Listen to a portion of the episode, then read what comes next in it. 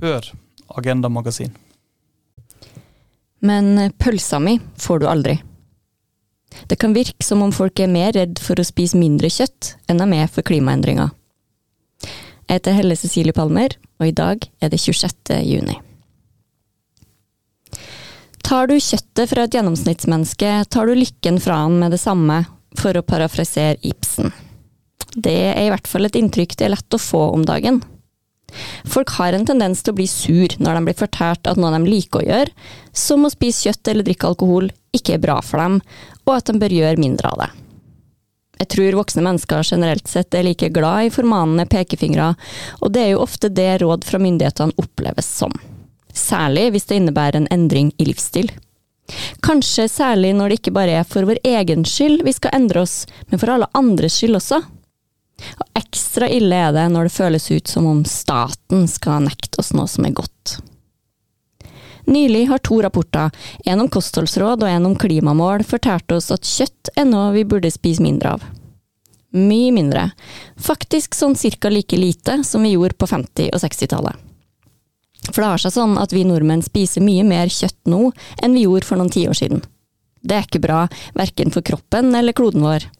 Kjøttproduksjonen per person ble dobla fra 1959 til 2009.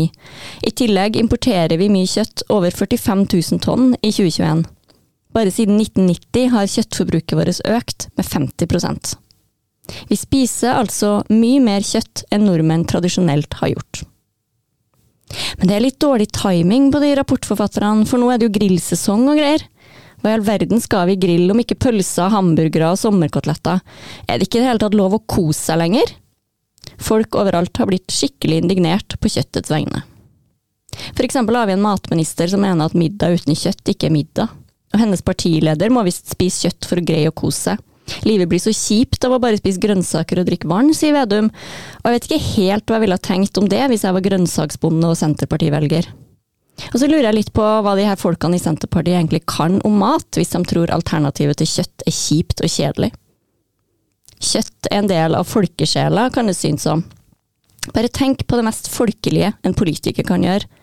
Det er å spise pølse. Og nå skal de samme politikerne ta pølsa fra oss? I fjor ble en fyr fra Fredrikstad så provosert over at festivalen han skulle på ikke servert kjøtt, at han i protest dukka opp i pølseklær tilpasser meg ikke moralismetyranni fra klimahysteriske miljøreligiøse, raste den i lokalavisa.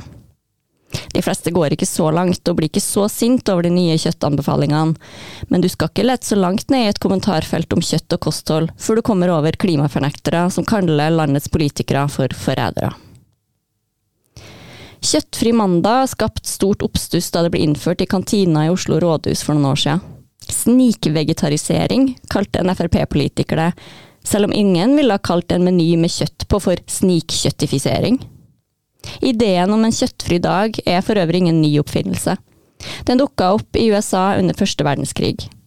Den gangen ville man senke kjøttforbruket for å unngå matrasjonering.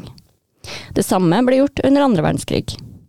De siste 20 årene har helse- og miljøhensyn vært begrunnelsen for å oppfordre til en dag uten kjøtt men det er nesten som om ordet kjøttfri provoserer enkelte like mye som når det snakkes om woke eller pride. Også når det gjelder kjøtt og alkohol, bruker vi merkelapper. Det normale er at du spiser kjøtt og drikker alkohol. Du trenger ikke betegne deg sjøl som kjøtteter. Ingen går rundt og kaller seg sjøl alkoholdrikkere. Det er de som skiller seg fra normalen som får merkelapper. Spiser du ikke kjøtt, er du vegetarianer, veganer, eller kanskje pesketarianer eller fleksitarianer. Drikker du ikke alkohol, er du avholds. Men siden det å spise kjøtt blir sett på som normalen, opplever noen det som tvang når vegetar- eller veganmat blir innført som standard, og kjøtt som alternativet. Det er som om kostholds- og klimaråd truer hele levesettet vårt. Men egentlig er det omvendt. Det er klimaendringene som er den største trusselen mot måten vi lever livene våre på. Skal vi nå klimamålene, er vi faktisk nødt til å endre oss. Politikerne må ta de oppgavene med å sørge for de store utslippskuttene.